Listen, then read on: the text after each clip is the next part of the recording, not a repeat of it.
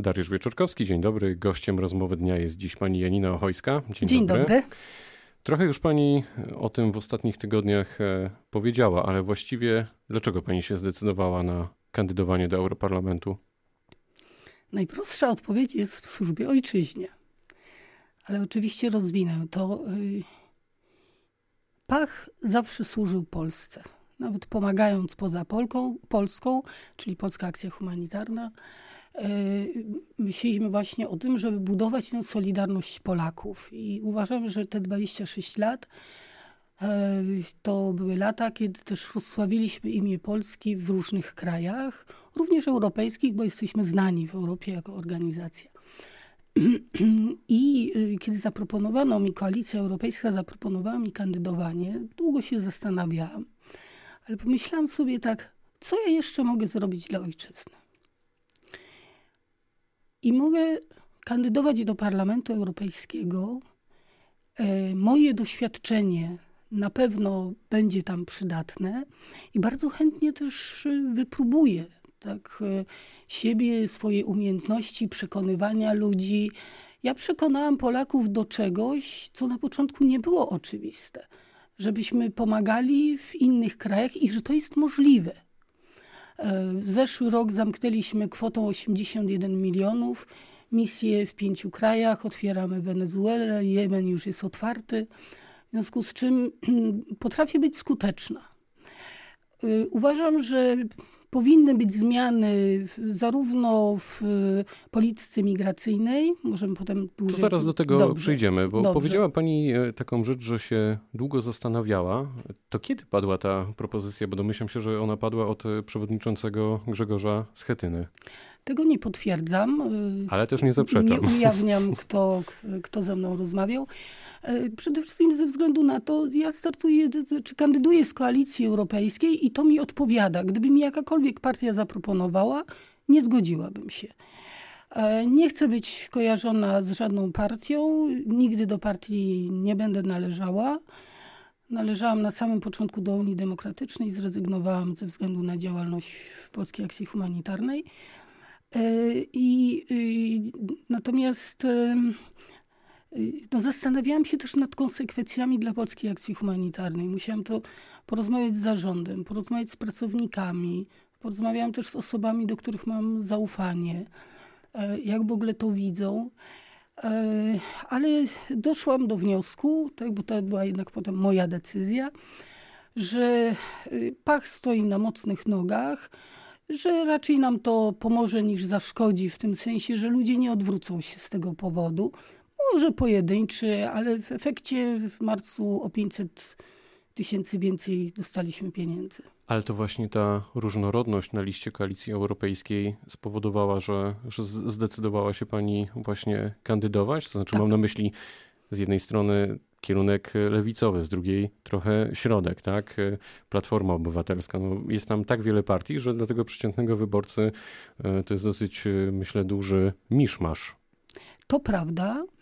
Y, no ale ta koalicja jednak powstała. A poza tym, wie pan, moje poglądy gdzieś właśnie są pomiędzy tym wszystkim. Tak? Ja mam, powiedzmy, jestem osobą wierzącą, praktykującą. Natomiast ekstremalna prawica to zupełnie to nie jest moja bajka. Więc powiedzmy, że jestem taka troszkę chadecko-socjalistyczna, no, znaczy nie socjalistyczna, tylko socjalna bardziej, tak? Socjalne poglądy Kuronia bardzo mi odpowiadały. No wiadomo, że, że socjalizm no, jako taki nie ale też no, do, nie, nie, do końca prawica, tak? więc gdzieś po środku. No i to, to dlatego, Czyli skoro trochę... to jest koalicja, to w zasadzie no, do, do niczego mnie nie można przypisać, do żadnej partii i to mi odpowiada. I trochę tak to czytam, że z jednej strony stroniła pani od polityki, nadal pani tak. z drugiej od niej e, stroni. W tak ja zwanym, jestem człowiekiem NGO-sów. W tak zwanym międzyczasie, to prawda, dowiedziała się pani o chorobie. Jak się pani czuje? E, dzisiaj już się czuję dobrze. Mogę nareszcie uczestniczyć w spotkaniach. No ale chemia nie jest czymś łatwym. Natomiast bardzo bym chciała, żeby to sobie Państwo słuchacze wzięli do serca. Ludzie po chemii czują się różnie. Są tacy, którzy pracują. Znam panią, która po pierwszej chemii wygrała, y, znaczy drugie miejsce zajęła w zawodach narciarskich farmaceutów. Więc y, ludzie, którzy biorą chemię, mogą pracować. Ta choroba w niczym mi nie przeszkodzi, jeśli chodzi o pracę w Parlamencie Europejskim. Y, może moja obecność fizyczna będzie ciutkę późniejsza, bo część leczenia będę mogła kontynuować w Brukseli. I czuję się na siłach. Uczciwie zapowiadam, że gdyby okazało się, że moja choroba stanie się przeszkodą, że nie będę w stanie wypełniać swoich obowiązków, to wtedy podejmę decyzję o rezygnacji. Ale na razie startuję, dobrze się czuję, jestem pełna nadziei i, i no, już pomału czuję na sobie ten ciężar obowiązków. Powiedziała Pani, że polityka może być prowadzona w sposób etyczny, tak jak ludzie mogą postępować ety etycznie. Brzmi bardzo idealistycznie, ale to możliwe Pani zdaniem? Ja mogłam i podam przykłady osób, które takie były. Tak, to był Tadeusz Mazowiecki, to był Bronisław Geremek, to był Jacek Kuroń, który był, był politykiem. Pewnie można by tutaj było jeszcze dodać więcej osób. E, I to jest możliwe. E, no przecież politykę tworzą ludzie. E, ja zawsze mówię. Tylko pytanie, czy to jest możliwe w pojedynkę? Takich ludzi jak ja, myślących podobnie jak ja, jest na pewno o wiele więcej. No, myślę, że może nawet coś utworzymy w tym parlamencie europejskim, jakąś taką grupkę, która będzie właśnie tę, tę sprawę etyki bardzo mocno podnosiła. E, wie pan, świat nie jest ani dobry, ani zły. Świat jest takim, jakim my go uczynimy. Ja cały czas żyję z tą świadomością. I oczywiście w świecie jest, znaczy nie w świecie, tylko ludzie czynią bardzo dużo zła.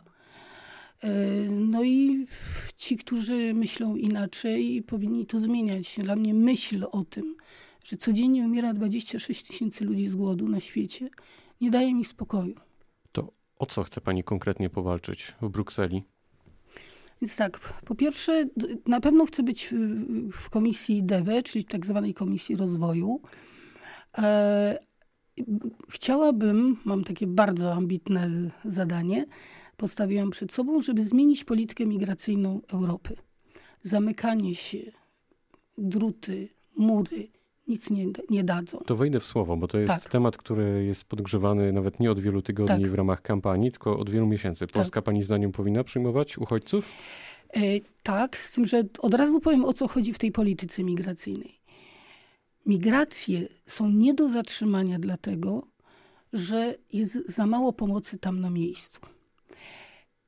W Sudanie Południowym postawiliśmy ponad 700 studni. Gdyby pan zobaczył, jak te wioski się rozwinęły, tam przybywają mieszkańcy, ludzie nie chcą opuszczać swoich krajów. E, a już Afrykańczycy, tak, kompletnie inna kultura, inny świat.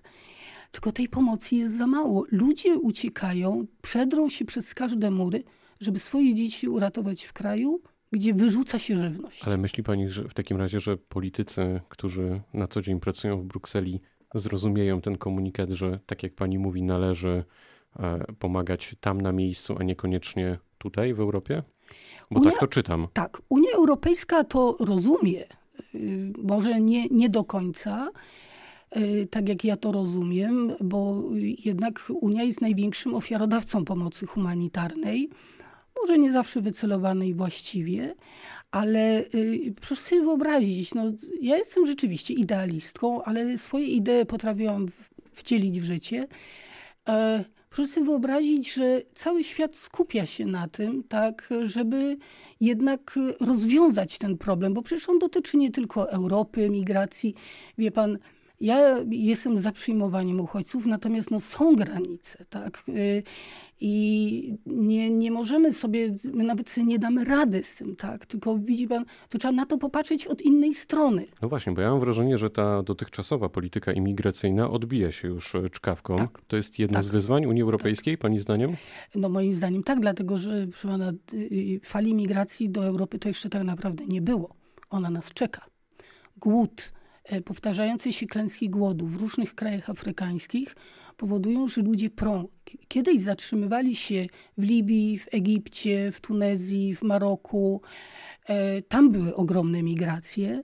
Natomiast dzisiaj, gdzie albo z tych krajów są przepędzani, albo wręcz y, tak jak w Libii sytuacja jest, jest niebezpieczna, ludzie omijają to. Tak? Stąd potem były te migracje przez, przez Węgry, Serbię, ale to, to w ogóle nie była fala.